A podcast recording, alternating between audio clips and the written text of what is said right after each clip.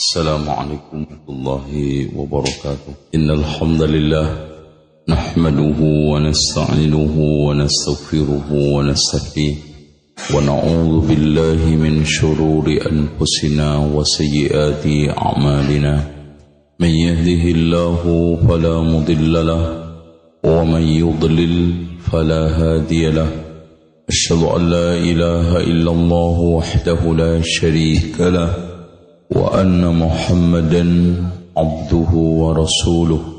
قال الله عز وجل يا أيها الناس اتقوا ربكم الذي خلقكم من نفس واحدة وخلق منها زوجها وبث منهما رجالا كثيرا ونساء. واتقوا الله الذي تساءلون به والأرحام. إن الله كان عليكم رقيبا وقال عز وجل يا أيها الذين آمنوا اتقوا الله حق تقاته ولا تموتن إلا وأنتم مسلمون. وقال تبارك وتعالى يا أيها الذين آمنوا اتقوا الله وقولوا قولا سديدا يصلح لكم أعمالكم ويغفر لكم ذنوبكم. ومن يطع الله ورسوله فقد فاز فوزا عظيما. فإن خير الحديث كتاب الله وخير الهدي هدي محمد صلى الله عليه وسلم وشر الأمور محدثاتها وكل محدثة بدعة وكل بدعة ضلالة وكل ضلالة في النار. الحمد لله. في sela-sela syawal yang masih segar, yang masih semangat karena limpahan kesemangatan Ramadan, kita bisa bertatap muka di suasana yang Alhamdulillah di masjid yang cukup bagus, yang cukup adem karena masih pagi. Nggak tahu nanti jam 11. Dan masjid ini dulu pertama saya datangi ya begini juga. ya, bentuknya cuman agak sedikit baik dari sisi uh, ini apa pintu sama jendelanya. Ini aja. Temboknya juga pakai keramik, cuman bentuknya kayak kotak ya. kayak Masya Allah. Lebih bagus ya. Ini masjid yang alami insya Allah lebih-lebih lagi ya kita ketemu dengan panitia yang sudah lama minta kajian tapi nggak kena-kena. Alhamdulillah saya sebetulnya sudah kangen dan pengen ngaji di Madiun tapi cari waktu Alhamdulillah kita menemukan di hari-hari awal syawal dan juga ada yang hari ini puasa, ada yang tidak. Yang sunnah sebaiknya dihindarkan. Yang qadha enggak apa-apa.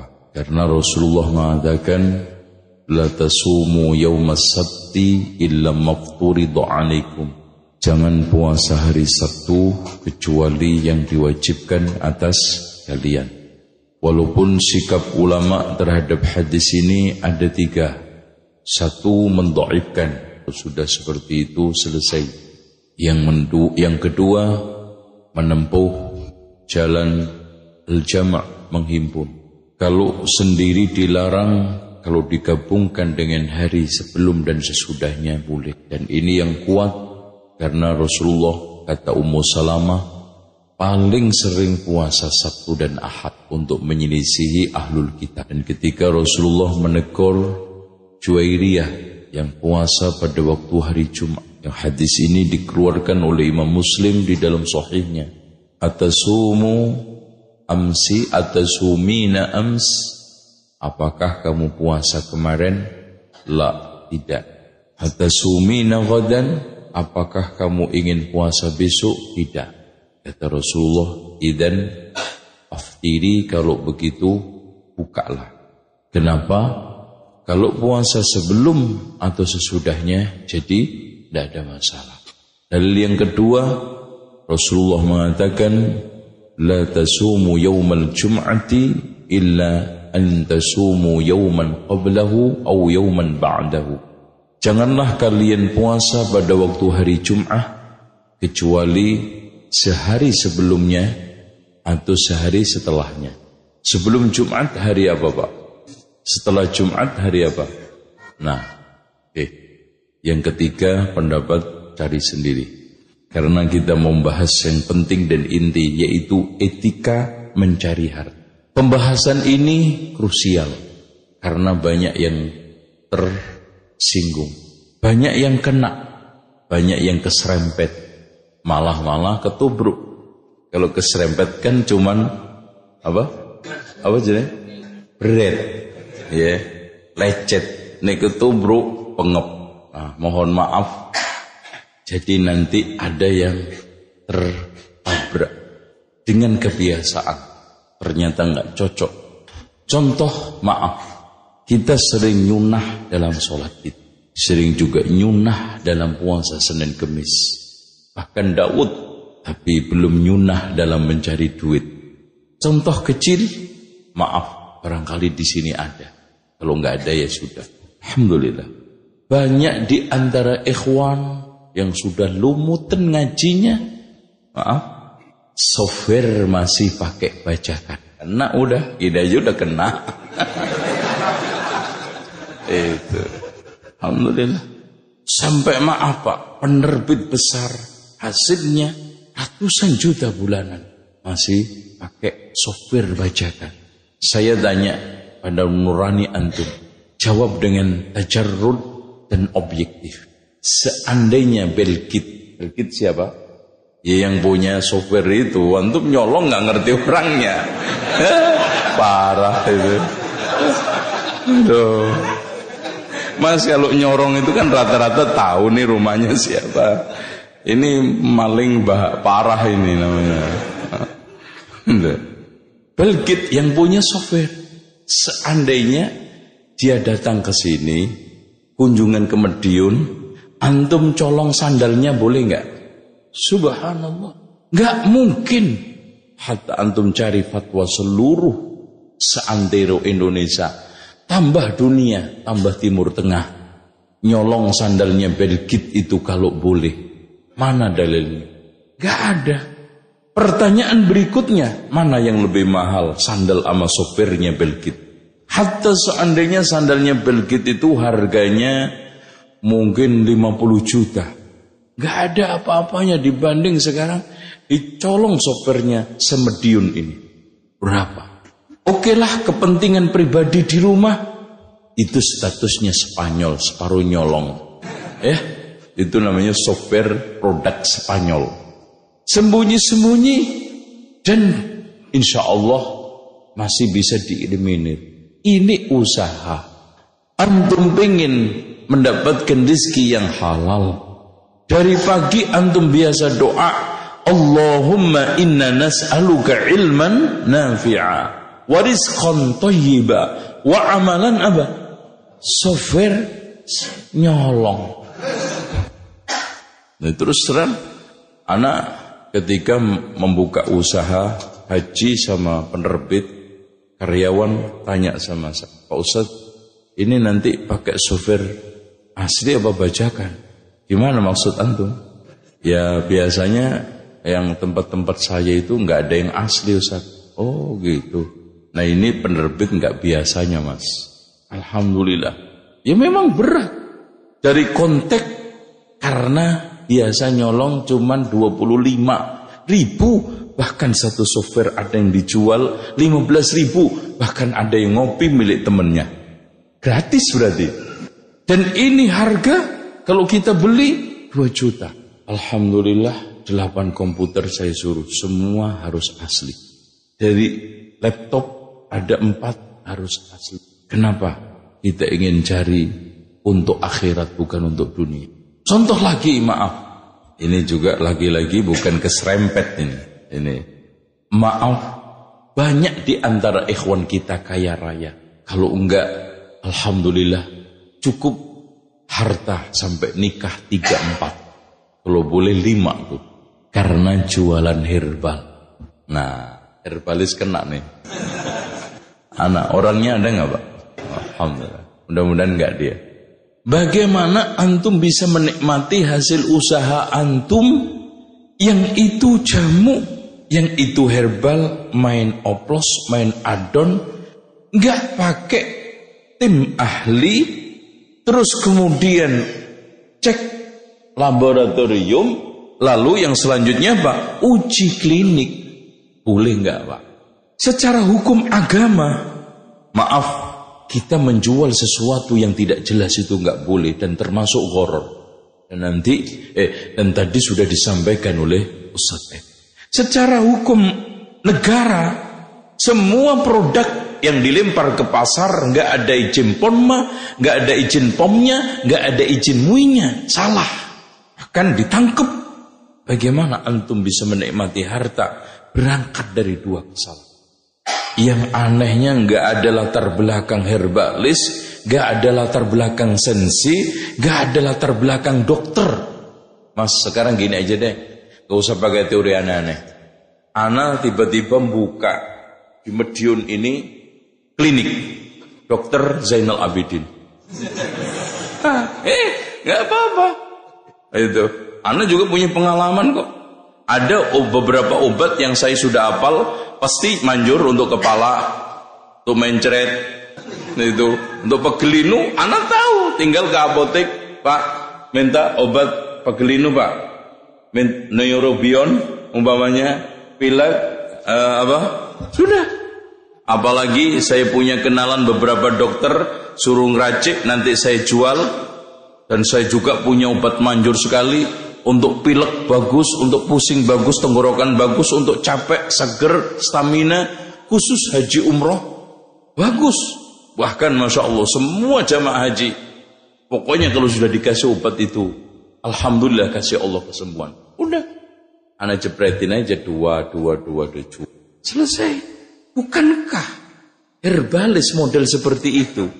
Dengar sono sini, atau teman herbalisnya laris, diotak-atik, ditiru, atau mungkin nemu resep di buku, wah ini kayaknya bagus deh, cocok nih. Akhirnya apa? Pergi ke rumah sama istrinya, dek, yuk ngadon nih, udah, udah, udah, udah, udah. Apa? Apa aja dicampur, jamur lingsi, eh, kumis kucing, apa? Temulawak, jahe, Terus tambah zaitun. Udah. Syukur-syukur dipasin tujuh. Ya kan? Tujuh kan itu bilangan mistik. itu kan gitu. Bos, pokoknya nanti kapan-kapan kalau buku saya selesai tentang Wali Songo kita bedah di sini. Uh, bagus sekali itu, masya Allah. Kita ceritain babat tanah Jawa. detail-detailnya sampai dari mulai Diwoto Cengkar ya, sampai ada Malik insya Allah. Itu akhirnya apa Pak? Hasilnya pasti analisanya si dokter gadungan ini kalau ditanya Pak indikasi utama obat ini gimana Pak?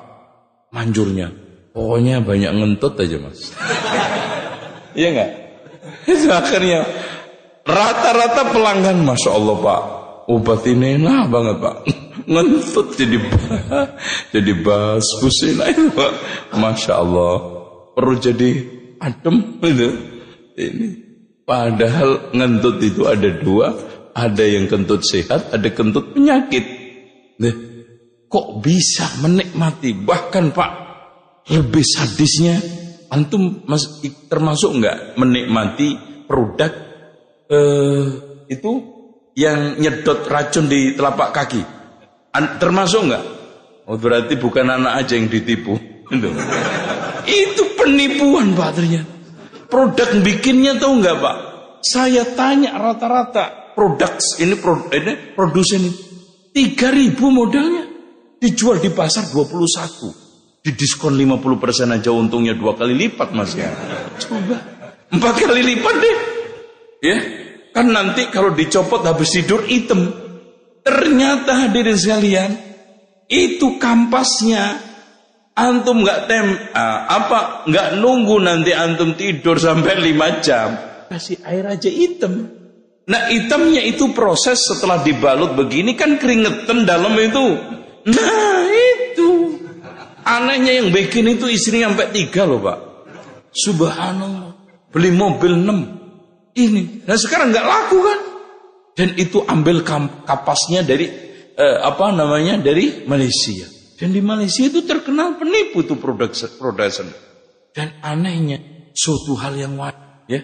Kita lebih nekat kadang-kadang ya melabrak hadis Rasulullah saya di 'alan nasi zamanun la yubalil mar'u mimma akhadha min malin min halalin aw min haram. Akan datang suatu zaman orang tidak akan peduli mendapatkan harta itu dari mana, halal apa haram.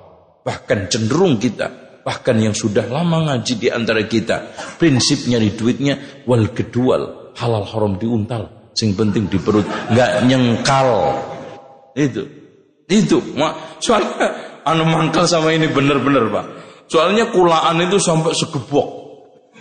Ya Allah. Udah gitu dipakai sendiri. Coba saya ketika itu mendapatkan penawaran 12 ribu di diskon 50 persen Kan itu masih untung 50% ternyata dia. Tuh ditempelin begini. Udah gitu nempelinnya nunggunya deg-degan lagi. Keluar racun banyak. Memang bener. Antum buktikan aja. Tidur di ruangan AC sama yang gak AC. Banyakan mana? Pada waktu musim dingin atau musim panas. Itu. Intinya banyak keluar keringat, banyak warna hitam. Itu aja. Ngapain lama-lama? Siram aja sama air. Itu.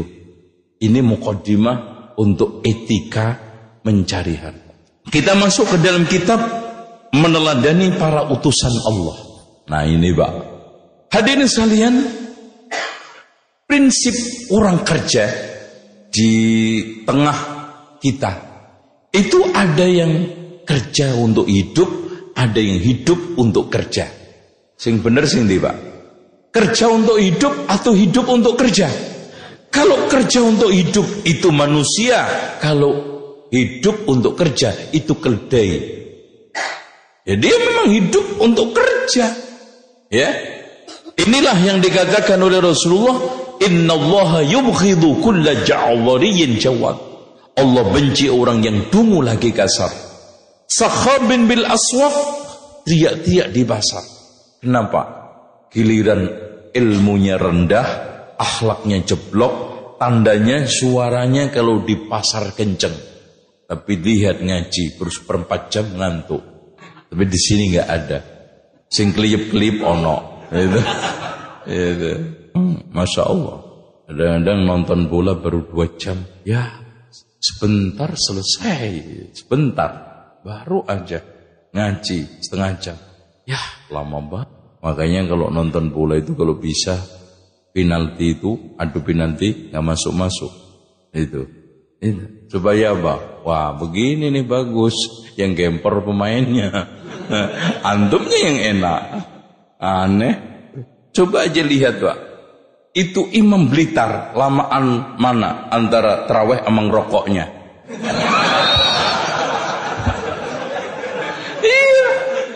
ngerokok itu minimal 10 menit Terakhir bisa tujuh menit. Subhanallah. Ini teraweh paling ajaib. Bisa dapat muri itu. Iya. Masya Allah. Selama ini yang saya sering utarakan itu rata-rata 10-15 menit. Ternyata ada yang lebih cepat. Subhanallah. Dan itu ratusan tahun lagi anehnya. Katanya. Kembali lagi. Allah itu benci orang yang dungu lagi kasar. Kenapa? Karena difaktori rendahnya ilmu, makanya ilmu itu bikin lembut hati, baik perilaku, dan apa? Apa mas? Indahnya solah bowo kata orang Jawa. Itu kan gitu. Dan itu bunganya hidup.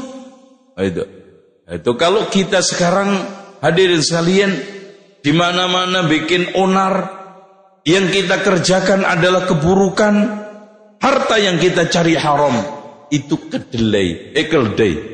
Ja'barin sakhabin bil aswaq, jifanin bil laili. Bangkai pada waktu malam hari. Nah, ini kenapa? Karena hidup hidup untuk kerja. Akhirnya hari-harinya maaf mate, melek, nyekek, nelek, golek. Nah, wong Jawa kabeh? Ya. Mate tidur, melek bangun, nyekek makan, nelek eh, eh. golek kerja lagi. Nanti pulang mate. Leh, sahih. Ih, lihat. Subhanallah. Kalau kita ngelihat gaya orang awam yang sudah diperbudak oleh dunia, nggak ingat agamanya, nggak ingat akhiratnya. Gambaran keledai sama kerbu lebih tepat. Sifani. Makanya Rasulullah menggambarkan pun itu. Wahimarin bin nahar keledai di siang hari. Banggai malam hari, keledai di siang hari. Alimin bi amri dunia, sangat alim dalam masalah urusan dunia. Wah, diajak bicara peluang bisnis, fasih, ngitung uang, cepet. Peluang-peluang dunia di atas kepalanya semua. Tapi soal agama, Innalillahi wa inna ilaihi rajiun. Betul betul Pak. Sampai kadang tanya Pak, Quran itu tulisannya dari kanan apa kiri Pak? Lah ini, dari atas Pak. Gitu. Terus Jumat itu hari apa Pak? Sholat Jumat aja tanya Pak. Hari apa? Padahal sholat Jumat dari Senin. gitu. Aneh. Saking ngeblengnya. Ya, kata orang Medion dompotol itu nggak ngerti tentang agama ya Allah. Ngenes banget nasib. Lah anehnya kadang-kadang sebagian mereka itu kalau dikasih ajaran sesuai dengan sunnah Rasul nolak, ngelawan, bahkan lebih kenceng komentarnya. Agama kok aneh. Padahal kalau dia itu jarang sholat, kadang mabuk. Kalau ditanya agamamu agama aneh gitu. Nah agama bapak aneh enggak? Sholat jarang. Paling ketemu Idul Fitri, Idul Adha. Ramadan pun awal, tengah, akhir. Itu agama apa Pak? Ya? Coba aja ngelihat sholat yang digerakin gini aja. Waduh, sholat until, until, until, until. Maupun gitu. Nah, kan gitu. Aduh. Aduh. Di, diberitahu bagus-bagus Pak. Ini sunnah Rasul. Udah, kagak ada Rasul-Rasulan di sini. Itu ngomongnya. Innalillahi. Dan ketika kita jelaskan masalah ajaran bid'ah, wow, apalah kayak sambar petir. Buh, dikit bid'ah. Gak ada zaman Rasul bid'ah. Gak ada zaman Rasul bid'ah. Gak ada contohnya bid'ah. Muka lo juga gak ada zaman Rasul. Bid'ah dong. Itu. Anak pernah diayalin orang itu. itu. Muka lo juga gak ada zaman Rasul bid'ah dong. Itu astagfirullah, kacau. Jadi logikanya itu kacau balu. Ya, cara berpikirnya itu betul-betul kedelai. Ya. Iya, nggak apa-apa, biar nggak kelihatan kasar. Kembali lagi hadirin sekalian, kita kerja ini untuk hidup agar bisa menunaikan wa ma khalaqtul jinna wal insa illa liya'budu. Ada hidup, ada misi, hidup ada tugas, hidup ada tujuan. Kerja memang harus. Bahkan disebutkan antum bisa lihat halaman 1 bab 2. Eh, eh, halaman pertama bab 2 etika mencari kerja dari buku Ma ba'asallahu nabiyyan illa ra'al ghanam. Tidaklah ada satu nabi pun yang diutus Allah melainkan pernah mengembala kambing. Dan sisi hikmahnya, Pak, Ternyata kenapa Allah takdirkan tetapkan profesi Nabi itu rata-rata ngembala kambing. Satu, latihan leadership. Coba, bisa nggak ngiring umat dilatih dulu ngiring kambing. Masya Allah, leadership alami. Nggak usah oh, ngadakan pelatihan di hotel, malah tidur. Mendingan di sawah. Eh, ini tandurannya wong ki ojo dipangan itu digiring jangan Ih, jangan jangan. Ini rumput. Itu kacangnya wong le. Ini ini gitu. gitu. Iya kan? Ojo, dia jadi pangan itu. Terus kemudian saat menggiring pun dibutuhkan kesabaran. Ono sing medot rono, ono sing ya itu kayak orang Medion itu. Diatur itu susah. Diarahkan ke sini, belok ke sana. Digiring balik lagi, wedus. Gak apa-apa, terkritik juga gak apa-apa ya. Ini namanya keserempet ini. Keserempet. Itu Masya Allah. Leadership. Yang keduanya, kita dilatih untuk sayang sama hamba sayang sama rakyat, perhatian sama rakyat dan memiliki apa? pemahaman psikologi terhadap masing-masing rakyat. Ada yang wataknya begini, kambing kan masya Allah. Ada yang nurut, eh langsung jalan. Ini ada yang subhanallah. Cuman alhamdulillah bedanya giring kambing sama manusia. Kalau kambing nggak mau rokok itu aja. Itu. Antum coba nanti pulang tes, antum kasih jus samsu, nggak mau. Itu aja. Ya. Hadirin sekalian, yang selanjutnya apa? profesi yang paling bersih. Makanya kalau antum mau jalani profesi yang paling bersih, nomor satu pertanian peternakan. Kemudian yang kedua keterampilan Ketiga, perdagangan. Keempat, kepegawaian. Nah, ini baru. Ini paling nggak bagus. Walaupun bagus. Ya, bagus, tapi nggak bagus.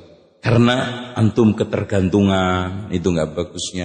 Terus, apa namanya, tidak bisa bebas ibadah. Terus kemudian kadang-kadang harus dipaksa berbuat haram oleh atasan. Nah itu. Tapi secara dasar Kerjanya itu semuanya halal. Satu, dua, tiga, empat. Jadi jangan ada salah tafsir terhadap ucapan saya. Jadi terus habis ini keluar dari pegawai negeri. Jangan, anak yang masuk nanti malah. Gitu kan gitu. Ya. Jadi kenapa? Kita memang diajak untuk nyari rezeki yang paling alami. Ibarat kopi itu luwak gitu loh Pak. Enak loh. Coba bayangkan. Kalau waktu asar Antum nggak pulang, kambing yang pulang dulu. Loh kan, diingetin, eh manusia, udah mau maghrib nih. Nah, gitu. Coba kalau di kantor, mau maghrib, mau asar sama aja, gelap. Masya Allah, kambing itu ternyata tahu loh pak, kalau maghrib. Pulang itu, jemrintil. Pulang. Manusianya nggak pulang. ditinggal. Eh, lo mau maghrib nggak? Gue pulang. Eh pulang ngajir. Ternyata kambing lebih soleh ketimbang yang membala. Itu pulang. Ini maghrib. Masya Allah. Dan subhanallah Pak. Yang tidak kalah pentingnya. Makanannya hewan itu alami. Sehingga yang antum hasilkan itu semua. Hasilnya halal. Dagingnya juga halal. Subhanallah. Makanya inilah rahasia ma ba'atsallahu nabiyyan illa ra'al ghanam. Termasuk Rasulullah SAW.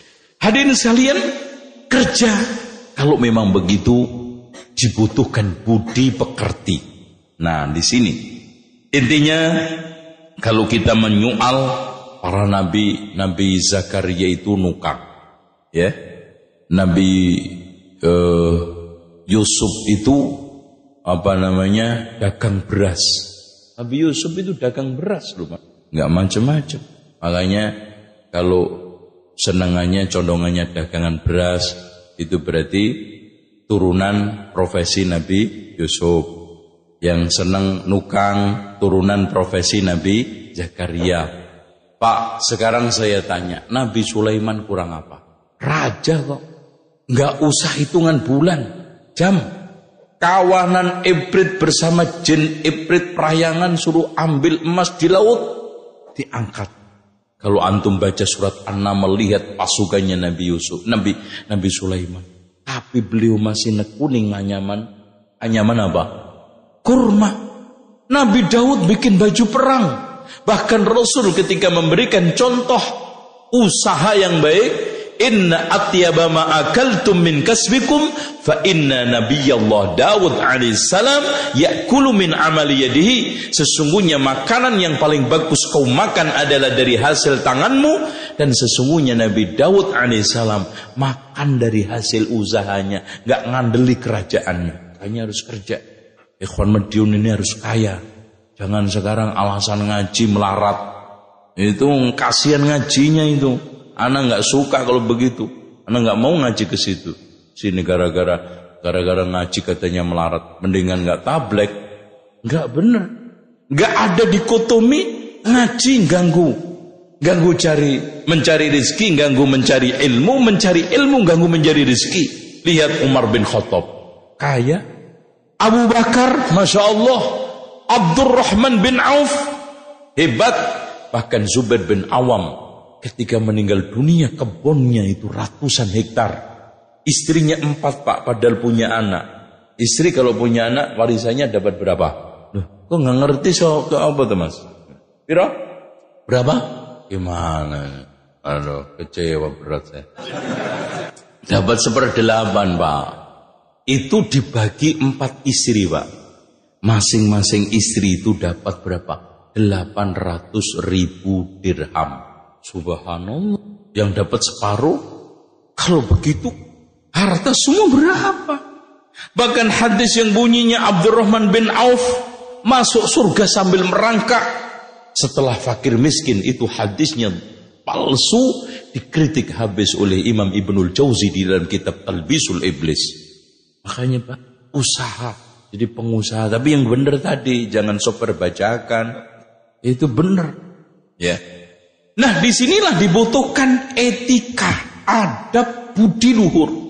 Ya, kalau dalam bahasa Jawanya itu adiluhung.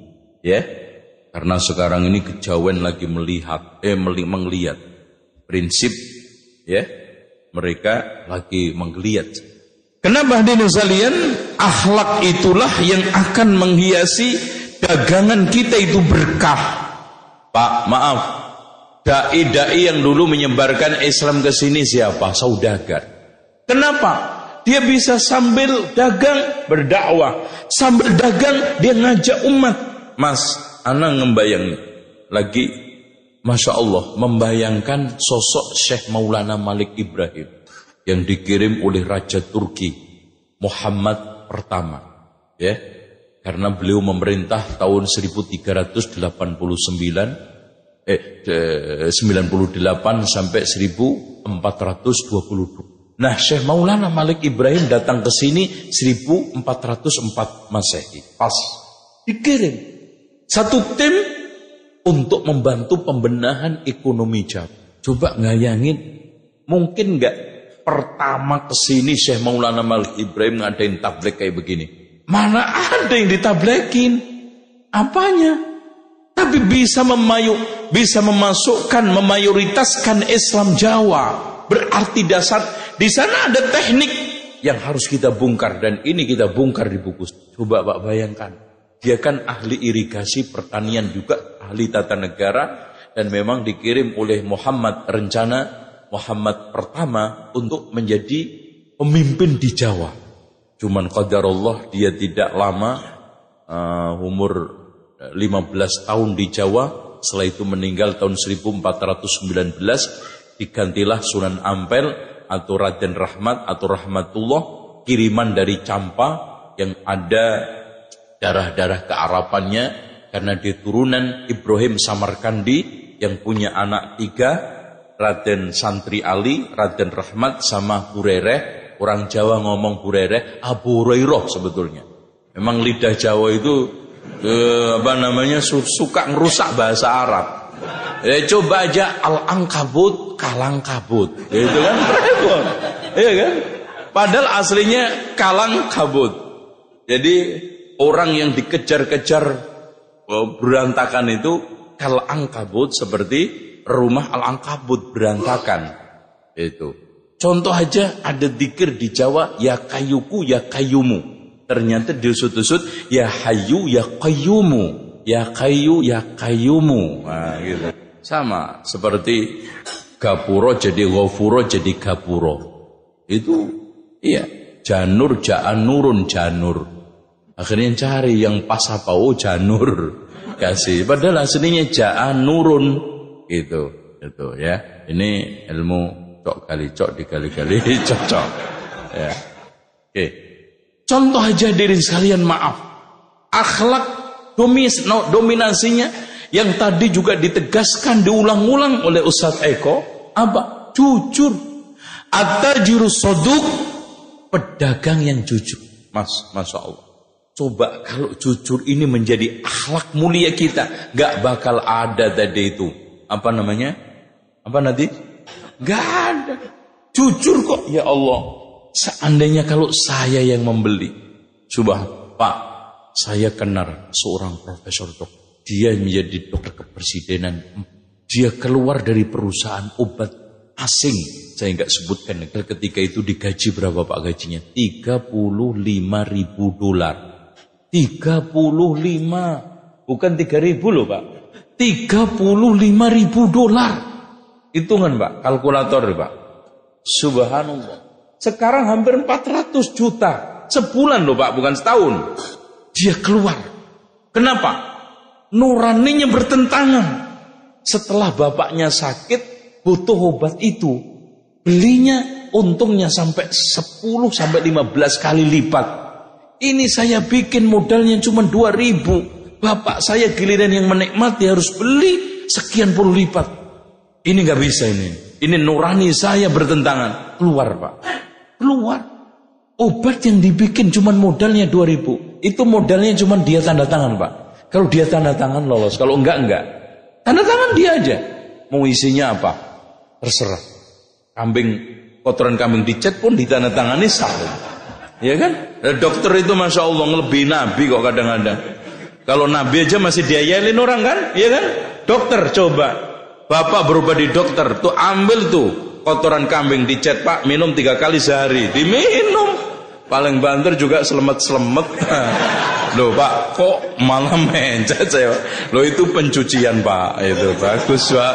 Nanti oh ini uh, apa bersih nanti. Itu. Nabi aja masih diayelin kan? Diayelin nabi itu.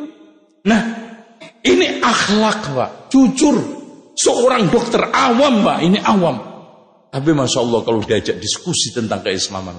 Awam. Ya. Dia nuraninya bertentang. Kejujuran berbicara. Saya telah tidak jujur kepada diri dan bapak saya sendiri. Saya keluar. Yang punya mental seperti itu. Jujur. Kalau HP ini nggak asli. Bilang. Ini HP saya ini jelek pak. Ya.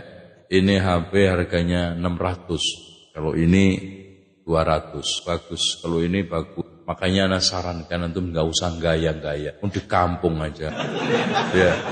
Beli yang kayak gini, ini masya Allah, sim cardnya dua. Ini kalau punya dua istri enak nih. Atau satunya untuk bisnis, yang satunya untuk keluarga. Nggak usah aneh. Kadang-kadang HP je mahal-mahal, gaya. Padahal kakak sampai rusak, gak kakak dipakai fasilitasnya. Itu nggak ngerti. Fasilitas nggak ngerti sampai rusak. Loh mas HP itu kok aneh banget. Doa sama sama HP sampean. Loh iya mas. Bisa. Mindah Quran itu tanpa kabel loh pak. Loh apa itu jenenge? Ya bluetooth. Wono tuh pak. Loh masya Allah HP-nya rusak. Nggak tahu kalau ada bluetoothnya. Gitu. Kenapa? Fungsi HP kita kan cuma tiga telepon SMS foto-fotoan itu kan gitu Iya enggak? Apalagi orang haji umroh. Rukun haji itu cuma empat. Yang kelima foto-foto. Masya Allah. Itu tiang masjid itu ada yang dipotoi semua Pak. Ya, dipoto semua. Ya Pak, Pak, kalau begini Bapak pulang haji agendanya bisa sepuluh ini. Semua, wah ini aneh semua. Ya iya loh Pak, aneh. Di daerah sampean nggak ada. Ada tiang apalagi nanti Masjidil Haram ini nanti kalau sudah jadi, wah Wah itu udah Masya Allah. Itu kayak lapangan pula. Tutupnya, payungnya bisa keluar masuk. Terus dekornya Masya Allah. Lampunya indah. Nah, itu nanti buat rebutan foto-fotoan. Ini berarti sederhana. sederhana itu hidup gini loh Pak. Dulukan pola daripada gaya, pentingkan kebutuhan daripada keinginan. Saya pengen HP, butuh enggak? Saya pengen nikah istri tiga, butuh enggak? Satu aja orang tek. Kadang-kadang panas-panasan, kadang-kadang meri. Itu yang membuat kita itu rusak, hidup ngah-ngahan. Padahal kalau kita sederhana, kalau saya cukup dua helai, tiga helai baju, kenapa harus lima? Kalau sekarang saya cukup sepatu tiga, kenapa harus sepuluh? Kalau bangun rumah cukup lima kamar, kenapa harus tujuh? Itu pola butuh. Dan kona'ah, apa itu kona'ah? Terima apa adanya. Yang penting halal udah, walaupun sepuluh miliar. Benar gak? Daripada sepuluh juta haram, mana yang lebih bagus? Hah? Ada yang nggak waras di sini? 10 miliar halal dengan 10 juta haram mana yang lebih bagus? Ah itu waras. Yang penting tadi itu antum jujur. Atajurus soduk pedagang yang jujur ma'an nabiyyin wasiddiqina wa syuhada nanti dikumpulkan bersama nabi siddiq dan syuhada Masya Allah kenapa Pak dikasih contoh pedagang padahal pegawai juga butuh jujur. Ya enggak? Butuh enggak jujur? Semua dalam lini kehidupan ini butuh jujur. Kenapa pedagang? Karena potensi tidak jujur itu lebih tinggi. Yang tadi kan di sumpah-sumpah kan Mas, ditawar ini. Pak, ini barang harganya berapa, Pak? Ya, ini untuk ngabisin aja, Mas. Daripada nanti susah. Jadi juga akhir 50 aja deh. Bapak, boleh nggak nih 35 Pak? Mas, mas tadi ditawar orang 10 nggak saya kasih kok. Padahal nggak ada yang nawar. 10 orang katanya nawar. Padahal nggak ada. Jujur nggak itu? Akhirnya apa? Pembelinya juga nggak kalah hebatnya, nggak jujurnya. Pak, Pak, saya tadi tuh Pak sebetulnya sudah hampir kena Pak. Itu saya tawar 34 nggak kena. Udah deh ini 35 aja. Tak badani sewu sampean. Sana kalau mundur ke sana ki repot, Pak. Padahal nggak nawar. Kata Rasulullah, muhiqat barakatu bai'ihima Allah hancurkan lumatkan keberkahan jual belinya. Akhlak. Ikhwan, akhlak berikutnya adalah tepat.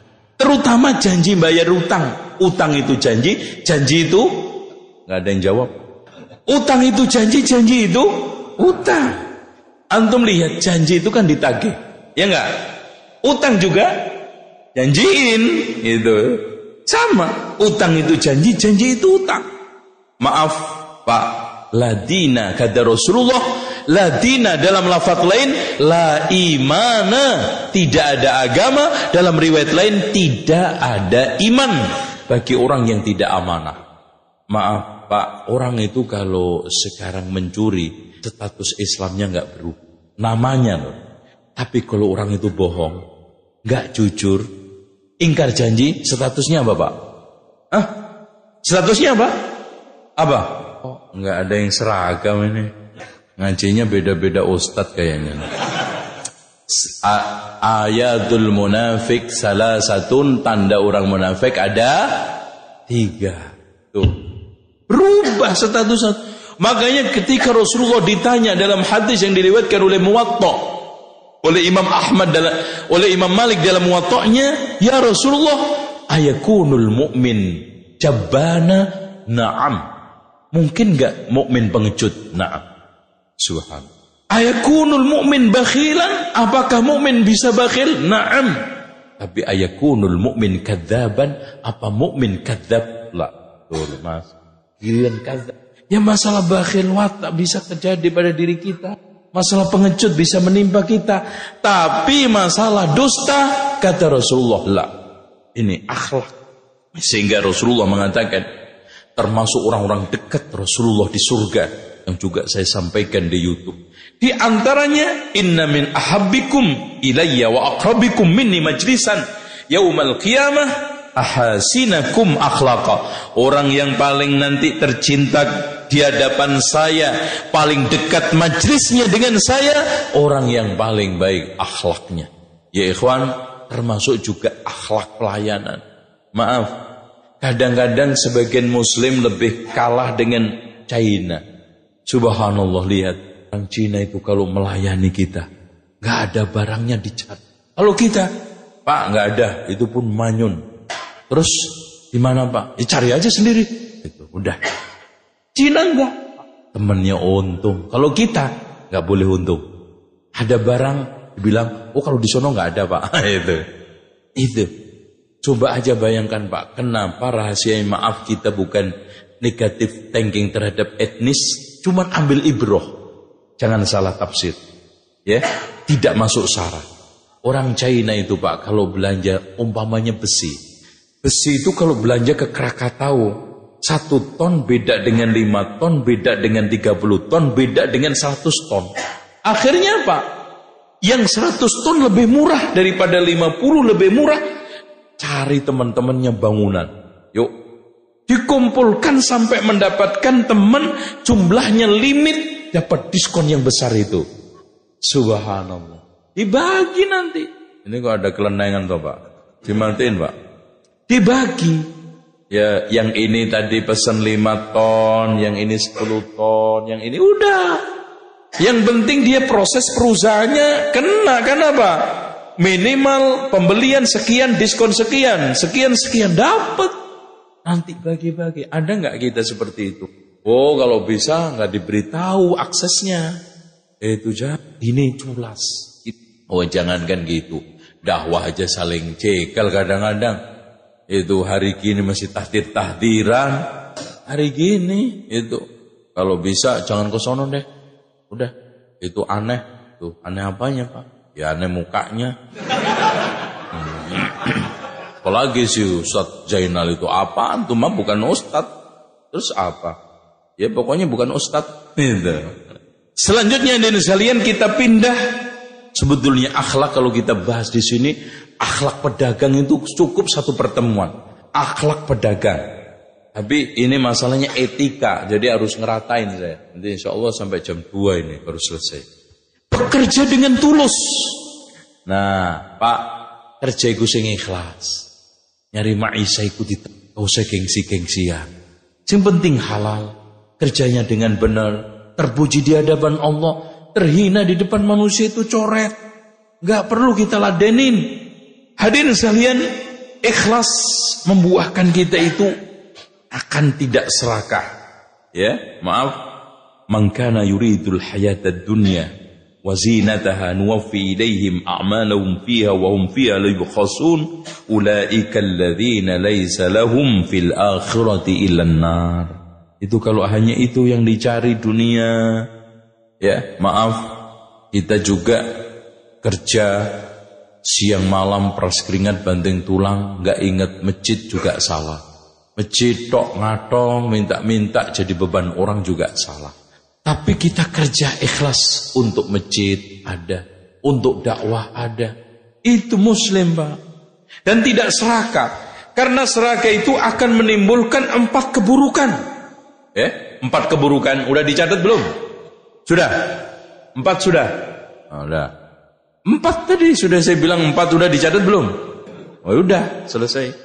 Yang pertama zolim pak. Orang itu kalau serakah akan menimbulkan perilaku zolim. Ngambil siapa aja milik rakus. Uh, makanya kata ulama ini dinukil oleh Imam Minhajul Qasidin Ibnu Jauziyah. Mukhtasar Minhajul Qasidin. Ya, Ibnu Ibnu Qudama, ya. Beliau menegaskan di sana kalau seandainya rakus itu antum bisa tanya, dia akan menjawab, "Wahai rakus, siapa orang tuamu?" Dia akan jawab tidak percaya takdir. Makanya bawaannya orang rakus itu nggak percaya sama takdir, Pak. Eh contoh aja udah ditakdirin kaya pura-pura miskin. Anak kasih contoh. Ya, eh, saya lanjutkan dulu baru contoh. Yang kedua, kalau kamu bertanya kepada si rakus, apa profesimu? Mencari kehinaan jawabannya. Terhina. Dan kalau kamu tanya, apa tujuan akhirmu wahai rakus? Terhalang dari harapan. Anak kasih contoh. Ada orang di kampung, Masya Allah, tanahnya setengah hektar, lumayan. Motornya aja dua. Eh, ternyata datang ke kelurahan, ngaku miskin macam-macam supaya berhak mendapatkan bantuan BLT. Apa itu BLT? Bantuan langsung tewas. Akhirnya apa? Ketahuan sama tetangganya. Pak, ngapain tuh orang? ini mau ngajuin BLT. Eh, enak aja. Tangganya dia tahu. Tuh pak, tanahnya aja setengah hektar pak. Motornya dua, janjian istrinya dua, kata dia. Akhirnya pak, dicoret, terhina, nggak percaya sama takdir Allah kalau dia ditakdirkan cukup. Tuh, subhanallah. Dampak yang kedua, bakhil. Orang yang, itu apa namanya? Orang yang serakah itu bakhil. Nah, kenapa? Ngirit. Jangan-jangan saya miskin. Ah, mau infak aja dilihat dulu. Dicari di dompet paling kecil. Ketemu pedang pati murah pasti. Nah, masuk masjid. Itu makanya di kotak masjid banyak pedang pati murah.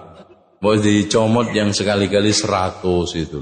Makanya Bapak Ibu sekalian di sini saya ingatkan kalau infak itu latihan. Dicabut itu paling gede di dompet. Ya kalau nggak bisa dilatih dulu nih Jumatan, ini kasih yang paling gede 10 ribu. Nanti di 10 ribu, cabut.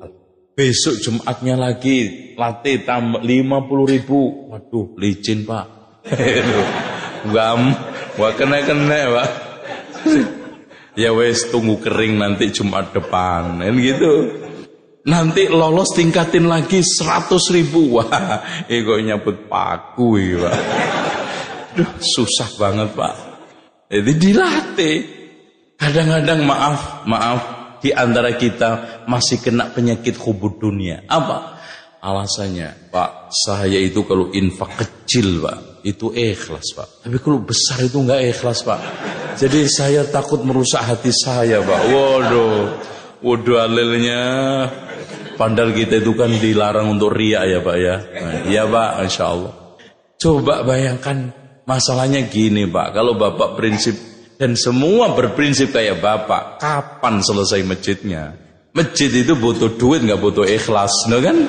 Selesai clear. Nah orangnya butuh ikhlas nggak butuh duit. Nah baru, nah ini dibalik. Orangnya butuh ikhlas, eh orangnya butuh duit, masjidnya dikasih ikhlas. Ada.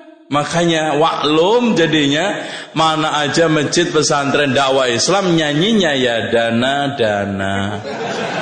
Iya, bener kan? Ya dana dana ya dana. Karena kekurangan dana. Anda melihat cek mana ada sekarang yayasan kayak ini aja yayasan kekurangan dana nih. Itu. Padahal kalau untuk yang lainnya itu brehweh, wah masya Allah dermawan. Sekarang dampak berikutnya serakah adalah pengecut. Ya, dolim, bakil, pengecut. Takut. Makanya ketika Rasul mengajarkan kita doa berlindung, Allahumma inni a'udzubika minal hammi wal hazn wa minal ajzi wal kasal wa minal jubni apa? Bukhil karena harta serakah sehingga menimbulkan apa? Pengecut. Makanya wong Rasul itu nggak mungkin bohong kok. Antum kalau sekarang males infak, itu secara implisit antum juga nggak percaya sama Rasulullah. Ngomong mana kosomalun min sodakoh. Harta nggak kurang karena sedekah. Loh, nggak percaya sampai sama Rasul. Rasulullah SAW juga mengatakan, mata sodako ahadun bisodakotin min kasbin tayyibin illa taqabbalallahu ta'ala biyaminihi fayurabbiha kama yurabbi fuluwahu Ros, tidaklah seseorang bersedekah dengan hasil yang halal maka diterima oleh Allah dengan tangan kanannya kemudian dikembangkan seperti seseorang mengembangkan anak untanya dari kecil sampai gede. Loh kurang apa sampai? Roh Allah juga nggak menegaskan. Ya wa ma anfaqtum min syai'in bahwa yukhlifu. Apa-apa yang kamu infakkan diganti sama Allah dan Allah tiap hari menurunkan dua malaikat. Yang satu berdoa Allahumma a'ti munfiqan khalafa. Yang satunya memberikan doa Allahumma a'ti mumsikan talafa. Ya Allah berikanlah ganti orang yang infak. Yang satunya bilang ya Allah berikan keludesan orang yang bakhil. Efek serakah yang keempat apa? Bodoh. Orang itu kalau serakah itu jadi bodoh. Bodoh. Kenapa mau beli buku ngeman, do kan? Mau ngaji bondo titik mundur. Nah ini nggak benar. Padahal kata Imam Syafi'i, alala tananul ilma illa bisittatin saumbika amma majmu'iha fi bayanihi dakaun wa hirsun wa ijtihadun wa bulghatin wa irsyadu ustadin wa tuli zamanihi dulu kalau di pesantren begitu dulu ya. Sekarang enggak. Nah bulghah itu bekal. Masya Allah Pak. Antum pernah enggak ceritanya Imam As-Su'bah dalam mencari ilmu? Itu yang rumahnya habis Pak dijualin. Habis. Bajunya itu tinggal sehelai. Karena untuk kepentingan taklim buku macam-macam. Nah, kita itu kadang-kadang gratisan aja yang dicari. Akhirnya ilmu gratisan dapatnya. Nah. Kembali lagi kepada serakah. Hadirin sekalian, tolong diperhatikan masalah-masalah yang terkait dengan keserakahan ini merupakan suatu hal yang menjadi penghalang kita untuk meraih kebaikan sehingga di dalam bekerja dibutuhkan ketulusan. Nah, selanjutnya Halaman kedua lima menekuni usaha halal. Pak, antum jangan takut nggak makan karena menekuni usaha halal. Saya sering umpamakan harta haram seperti halal itu seperti sapi sama babi. Pak, saya tanya, sapi itu lahir sekali berapa? Ini untuk sapi ora? Itu, Mas, ngerti sapi ora sampean? Eh? Ngerti ya? Sekali lahir piro, Pak? Siji. Subhanallah. Babi sekali lahir bisa sepuluh. Realita dalam kehidupan banyakkan sapi apa babi. Yang di mall, yang di supermarket buat hajatan. Dan kita harus yakin seperti yang dikatakan Imam Ibnu Hazm. Segala sesuatu yang dibutuhkan manusia banyak. Allah ciptakan melimpah ruah. Secara logika kan gini pak. Sampai di, di, di, di, di ini kan nggak pernah nyembelih babi. Sing di sebelah sering apa? Sapi harusnya ini entek iki kemeriah. Babi kanan kiri rumah kita ini babi uke. Kenapa? Kalau kita membuat teori per perkembangbiaan, Allah kan menciptakan hewan itu satu hari. Sama. Babi sepuluh satu, tujuh satu. Banyak kan mana harusnya? Tapi subhanallah, itulah. Lihat aja, kata Imam Ibn Hazm mencontohkan tiga benda. Yang ketika Allah, ketika manusia membutuhkannya, banyak udara, air, api. Allah ciptakan melimpah. Coba udara dibikin paling gampang karena kebutuhannya mendesak. Ah, itu kan gitu. Coba kalau nyebok kayak air, eh, mati dulu sampai oh, itu nggak kerja kerja. Tapi alhamdulillah, udah sepak bola enak, kerja enak, angkot-angkot enak, Tidur juga coba kalau lagi tidur antum nyibuk, siapa sih nyibuin? gitu. Ah, nggak bisa ma mati sampean. Alhamdulillah. Yang kedua air, subhanallah. Tapi karena bahaya dibikin oleh Allah apa? Disimpan di tanah kalau nggak diperlukan. Nanti dibutuhin manusia diangkut ke atas. Allahu Akbar. Makanya jangan takut Burung aja nggak ada yang mati kelaparan kok Pak. Bahkan Rasul memberikan contoh kita apa? Lau annakum tatawakkaluna 'ala Allahi haqqa tawakkuli la razaqakum kama yarzuqu tayra yaghdu himasa wa yaruhu bidana. Kalau seandainya kalian bertawakal kepada Allah dengan sebenar-benarnya tawakal, kalian akan diberikan rezeki oleh Allah seperti burung pergi perutnya kosong pulang kenyang. Padahal secara logika loh Pak. Burung emprit, sampean tahu emprit, emprit krit krit gitu. Itu kan makanannya cuman ulat. Ulat gede dikit juga nggak muat dia. Terbatas sekali. Mau apalagi antum lihat bekicot itu pak. Udah jalannya susah. Ke mana-mana bawa rumah. Coba kalau antum ke mana-mana bawa rumah. Anaknya itu telurnya bekicot itu sampai 200 loh Pak kalau dia itu. Hidup semua. Ayam ditinggalin telur sama lakinya 15. Hidup semua lakinya minggat. Kurang apa? Padahal modal patok menceker. Rezekinya terbatas banget. Ada ulat. Waduh. Kayaknya ulat kagak ada nih. Kayaknya pangsit enak. Enggak ada. Tapi subhanallah Pak, apa yang nggak bisa masuk ke perut kita? Rezeki saluran Masya Allah. Bahkan Allah katakan, Walladhi khalaqalakum ma fil ardi jami'a. Dialah Allah yang menciptakan apa saja di muka bumi untuk kamu. Yuk makan silakan. Bahkan Pak, sekarang yuk kita pakai hati. Hitung. Allah menciptakan buah-buahan. Banyakkan halal apa yang haram. Bahkan yang haram hampir nggak ada. Yang buah haram cuma satu, buah si malakama. Itu aja itu udah. Sekarang biji-bijian hewan banyakkan yang halal apa yang haram? Yang halal. Lu kok kita kadang-kadang udah muslim, kadang udah ngerti, punya prinsip malah mas mas yang haram aja susah. No, setan ini. Setan. Makanya din sekalian yang dirahmati oleh Allah, tekuni. Jangan mundur. Insya Allah halal sedikit berkah daripada antum melihat. Antum lihat aja sejarahnya orang-orang yang sekarang bergelimang harta harta. Jangankan satu, dua, tiga.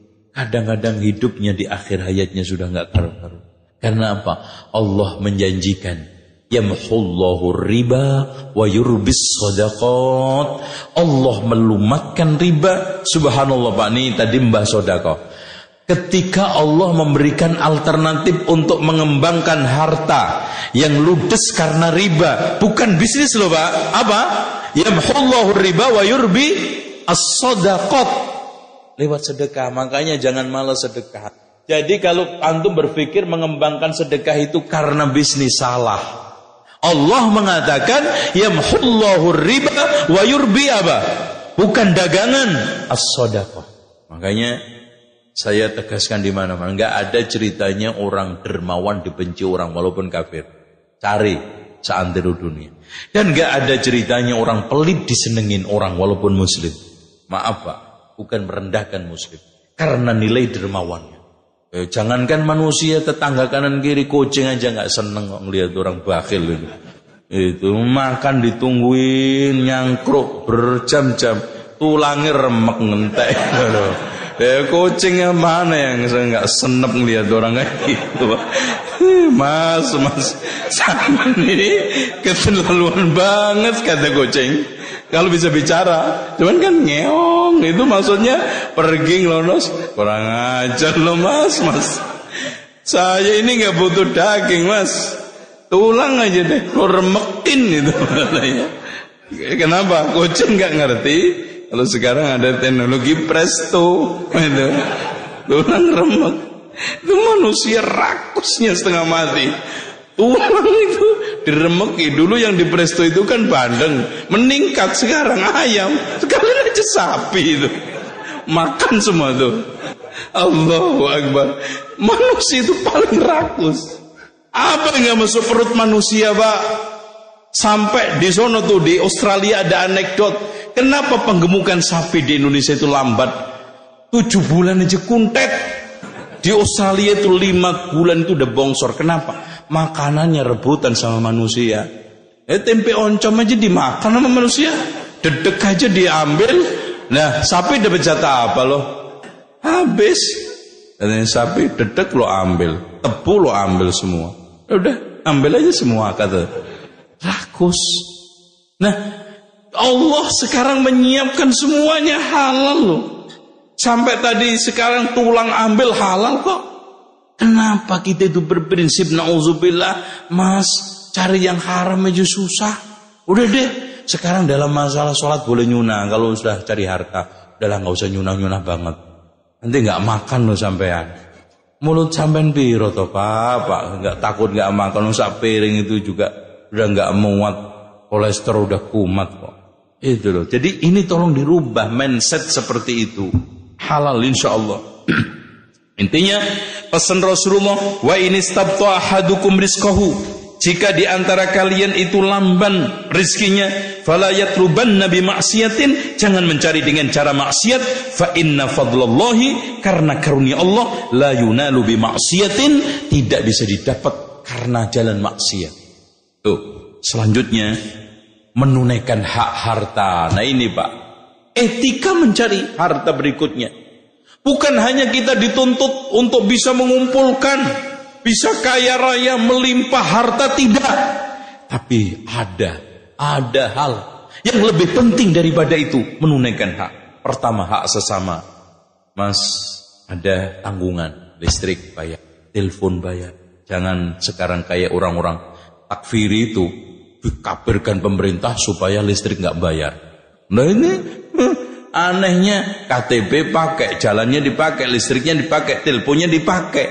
Ya, orangnya dikafirkan. Itu kan nggak adil namanya. Lucu. Itu namanya makanannya dimakan, orangnya diomongin. Nggak benar. Qala Allahu salasatun ana khasmuhum yaumal qiyamah. Kata Rasul, tiga orang jadi musuhku nanti dari kiamat. Allah. Pak, jadi musuhnya Rasul itu nggak main-main beratnya loh. Nah, kalau antum nggak nggak mau jadi musuh Rasul, dengerin nih hadis. Rojulun waqtiyabi summa ghadar. Ada orang yang diberi amanah karenaku. Maksudnya karena perjanjian atas nama agama, atas nama bismillah kemudian ingkar. Makanya ingkar perjanjian, ngelanggar perjanjian itu musuhnya Rasulullah. Hatta sama orang kafir. Sama orang kafir, Pak. Ya. Berat itu. Warajulun ba'a hurran fa'akala samanahu. Orang yang menjual orang merdeka dinyatakan budak. Benar merdeka. Dimakan itu hasil jualannya. Musuhnya Rasulullah. Yang ketiga. Warajulun istajara ajiran. Ada orang yang mengangkat pegawai. Fastaufa minhu. Dia dia penuhi pekerjaannya. Walam yu'tihi ajrahu. Dia tidak berikan opahnya. Ah, sesama. Tumbuhnya karya punya pembantu, punya supir pak, jangan ditunda pak. Antum bisa napas karena masih banyak bisa nengok kanan kiri, masih ada alternatif. Itu pembantu antum, itu karyawan antum, satu-satunya saluran. Mau dia cari ceperan, antum teriain, bolos, nggak bener. Dia mencari tambahan, antum teriain korupsi, Apalagi gratifikasi tadi atau apa? Sambilan-sambilan yang haram. Eh, giliran antum sekarang kasih gaji juga lelet, dolim pak. Kasihan. Sayang tuh sama Allah. Jangan ngeyel kayak orang Jakarta. Pak, kan ada hadis tuh kasih upah sebelum keringetnya kering. Lek, lu kapan keringetnya? Asih terus. Itu ngeyel tuh majikannya. Lo nggak keringetan di sini. Udah Tunggu aja. Itu. Lo kerja yang baik. Kalau enggak keluar aja. Masya Allah. Ah bener Pak. Ya makanya Rasulullah ketika wafat yang dipanggil terakhir siapa? As-sholah, as-sholah wa ma malakat aimanukum. Jagalah sholat, jagalah sholat. Dan budak-budak kamu. Karena duanya itu cenderung terlantarkan. Sholat terlantarkan karena masalah kerjaan dan kesibukan serta kecapean. Pembantu tercenderung tersisihkan karena apa? Tersingkirkan nggak dianggap. Ya, makanya perhati. Ini sekalian yang dirahmati oleh Allah. Kemudian hak kepada Allah. Ada zakat. Hitung yang benar, Pak.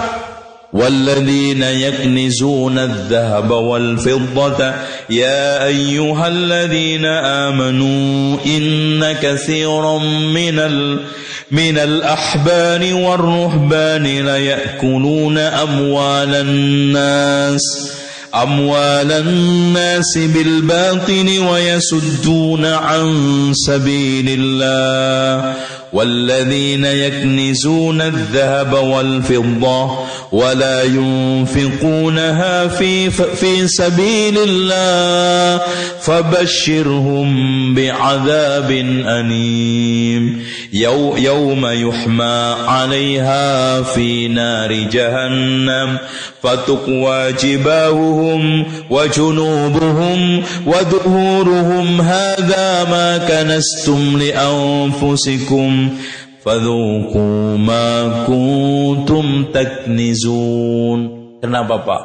Orang yang nggak mengeluarkan zakat itu disetrika jidatnya, lambungnya, punggungnya. Kata Imam Muhammad Rashid Ridho di dalam tafsirnya Al-Manar, karena ketika saat orang bakhil, ini al-jaza'u min jinsil amal, balasan sepadan dengan perbuatan. Yang action pertama kali apanya, Pak? Sing mengkerto nih? Jidate. Mas, maaf Mas. Uh, ini lagi nggak ada uang. Lain kali aja. Ambil mengkerut. Habis itu yang minta sumbangan dikasih lambungnya di istri.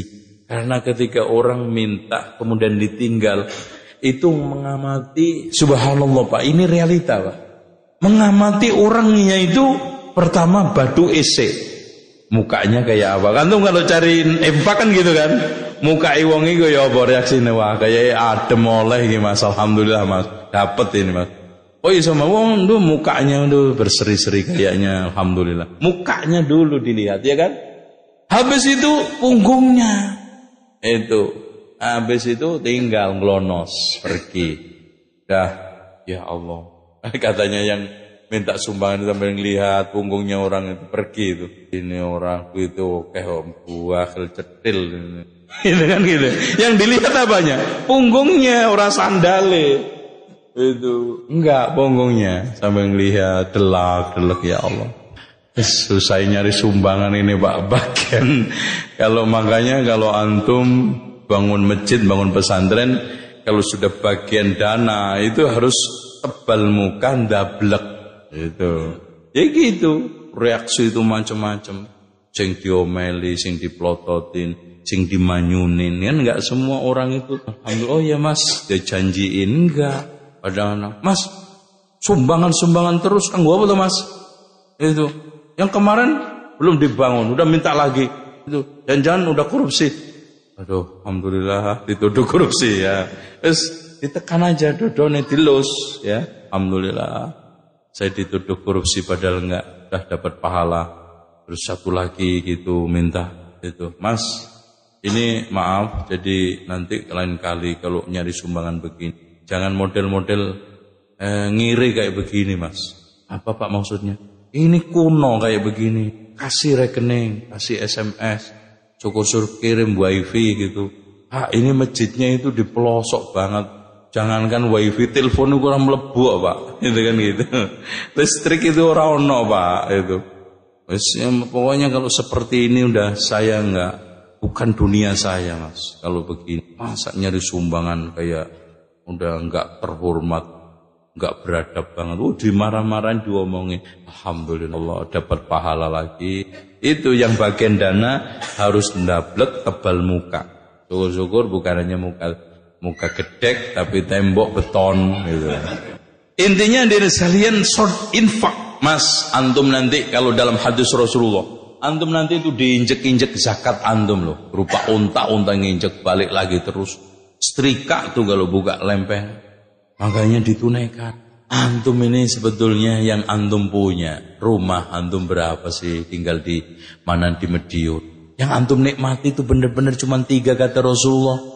Yaqulu ibnu Adam mali mali. Anak Adam mengatakan hartaku hartaku walaysa laka minal mal illa ma akalta faqad afnaita wa ma labista faqad ablaita wa ma tasaddaqta faqad abqaita sebetulnya harta kamu yang hakiki adalah yang kamu makan suatu ketika jadi kotoran yang kamu pakai suatu ketika lecek dan yang kamu infakkan sedih simpenan rumah antum sekarang punya tanah 20 hektar Antum pengen nikmati semua. Berarti tiap pagi keliling 20 hektar. Mas, aku daripada punya tanah nggak pernah saya nikmati mas. tak kelilingi setiap hari, muter dua kali, capek sendiri antum. Atau nanti 20 hektar itu saya pakai untuk mati semua. Kuburan 20 hektar. Ngapain? Sisanya buat gembala, kambing, sapi, wedus. Itu. Buat tinggalan orang. Iya kalau ahli waris kita soleh. Kalau enggak, Allah tunaikan. Antum bakal ter, terhina, eh terhormat karena pelit. Dan bakal terhina karena antum dunia akhirat karena pelit. Ya. Bahkan Rasulullah mengatakan yadul ulya khairu minal yadi sufla. Mathalul ladzina yunfikuna amwalahum fi ibtigha mardatillah wa tasbitan min anfusihim kamathali jannatin bi rabwatin asabaha wabilun fa'atat ukulah di'fain fa illam yusibha wabilun fatal masyaallah Pak Allah mengumpamakan di dalam surat Al-Baqarah ini orang yang infak itu seperti nanam di bukit. Kena hujan pertama kali nggak hujan minimal embun pasti berbuah. Kalau di bawah hujan kadang banjir kadang-kadang ngembeng rusak merusak apa? Tanaman. Kalau musim kering nggak kena. Tuh untung terus tuh. Ini perumpamaan surat Al-Baqarah. Dan juga diumpamakan oleh Allah seperti orang nanam satu biji tumbuh tujuh sampai sing seratus. Menjauhi praktek riba. Nah, ini riba, masya Allah. Wama adro kama riba. Riba itu dari kata robayar tumbuh berkembang. Makanya istilah mana terus. Lucu pak. Ada suatu yang lahir nggak kenal mati. Semua yang melahirkan pasti mati. Lihat apa aja lihat di muka bumi ini makhluk yang bisa melahirkan nggak mati apa? Kecuali riba. Aneh kan? Sapi lahirin, kenal mati nggak? Semua tanaman aja, subhanallah. Pisang sebelum dia mati menyiapkan generasinya dua tiga empat. Subhanallah. Ini aneh. Mana terus lahir terus nggak pernah mati. Duh kan lucu, ajaib, aneh. Makanya dari sekalian dikutuk. Kenapa? Dikutuk karena menjadikan alat barang menjadi komoditas. Itu. Kan seharusnya uang itu sebagai alat transaksi. Tujuannya untuk mengembangbiakkan harta. Untuk mentransaksikan apa? Namanya barang. Loh ini kok jadinya yang jadi barang komoditasnya malah uang. Barang disingkirkan ini celakanya dan masih banyak sehingga dimasukkan oleh Rasulullah termasuk tujuh dosa yang menghancurkan yang berat. Bahkan Rasulullah mengutuk, Allah mengutuk pemakan, pemberi, kreditor, debitur, ya, penyaksi, penulis, wahum Rasul ngasih catatan terakhir wahum fi dzalika sawa mereka dalam hal itu sama dosanya. Bahkan Rasulullah mengatakan dirhamun riba ya'kuluhu rajul wa ya'lam asyaddu indallahi ta'ala min sittatin wa thalathina zaniyatan. Satu dirham riba yang dimakan seseorang dia tahu itu riba lebih berat di hadapan Allah ketimbang maaf 36 zina. Subhanallah. Ma ahadun aksara minar riba illa kana aqibatu ila kullin tidaklah ada orang memperbanyak riba maka akhirnya akan menyedikit ludes dan kata Rasulullah tidaklah nampak di kaum itu riba dan zina melainkan akan diturunkan azab Allah. Nah, selanjutnya jangan membabi buta tadi serakah, cikal sana cikal sini, ini juga dihindari. Terus tidak meminta jabatan. Tolong yang jadi karyawan, jadi pegawai. Kata Rasul, pernah Abu Dhar minta jabatan. Ya Rasulullah, ya Rasulullah, ala tasta'mil, ala tasta'miluni.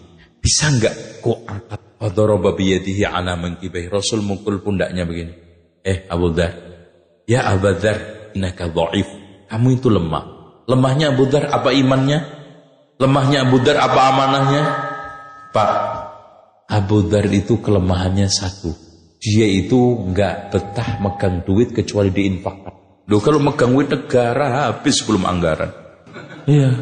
Jadi dia itu kalau megang duit itu pasti diinfakkan. Gak bisa megang duit. Oh jangankan lima hari pak, sehari itu udah gak betah. Nyari siapa yang mau. Di, makanya sampai Rasulullah mendoakan ya Allah hidupkan Abu Dhar sendirian, matikan sendirian. Karena memang prinsipnya dalam konteks sosialisasi aneh. Orang nggak mau duit kan aneh pak. Nggak mau duit siapa sih nggak mau? Abu Dhar itu. Sama Rasulullah ya berdoa Allahumma amitni miskina wa ahyini miskina wahsurni ma'azumratil masakin. Ya Allah hidupkan aku dalam keadaan miskin matikan aku dalam keadaan miskin kumpulkan aku dalam keadaan miskin. Ini khusus Rasul ya antum jangan niru. Nggak niru aja udah uh, mudar gitu, gitu. Apalagi antum doa begini. Ayo siapa yang berani? Habis talim berdoa ini nanti sholat duhur. Allahumma ini. Kalau kita dianjurkan doa, Allahumma inna nas'alukal hidayata wa tuqa wal afafa wal ghina. Itu Abu bagi. Nah ini kalau nanti duit negara dibagi-bagi terus, repot ini. Jangan Abu kamu. Inna kamru'un da'if. Kamu itu orang lemah. Wa innaha amanatun itu itu jabatan amanah wa innaha yaumal qiyamati khizyun. Nanti di hari kiamat kehinaan. Makanya sekarang banyak orang ngejar kehinaan dengan merek-merek yang full yang el, apa? Yang vulgar elegan dan juga apa? Berkilau. Padahal mengejar kehinaan. Wana benar-benar damatun pasti nyesel. Antum jamin pak. Tidak ada satu pejabat sekelas RT apalagi presiden pasti datang dari kiamat nyesel. Nyeselnya kenapa saya dulu mau? Wah Abdurrahman bin Auf itu ditawari jabatan itu pak. Minta ya Allah matikan aku sebelum Utsman bin Affan. Akhirnya Allah matikan 14 hari sebelum Utsman wafat. Ya. Terus kemudian eh, tidak minta jabatan bertindak bijaksana ya memelihara amanah Ya tolong harus profesional atas atasan sebagai teladan ini melayani sepenuh hati. Ini sebetulnya kalau kita bahas lebih detail nggak cukup ya satu hari itu etika tok. Tapi saya mohon yang sudah beli buku dibaca untuk pegangan insya Allah kita di dalam bekerja ini supaya karena kerja itu ibadah. Kalau antum sholat aja ada pegangan kok sifat sholat Nabi. Kalau antum sekarang mau haji aja, masya Allah panduan haji umroh. Lu antum sekarang, masya Allah kerja nggak ada panduan gimana?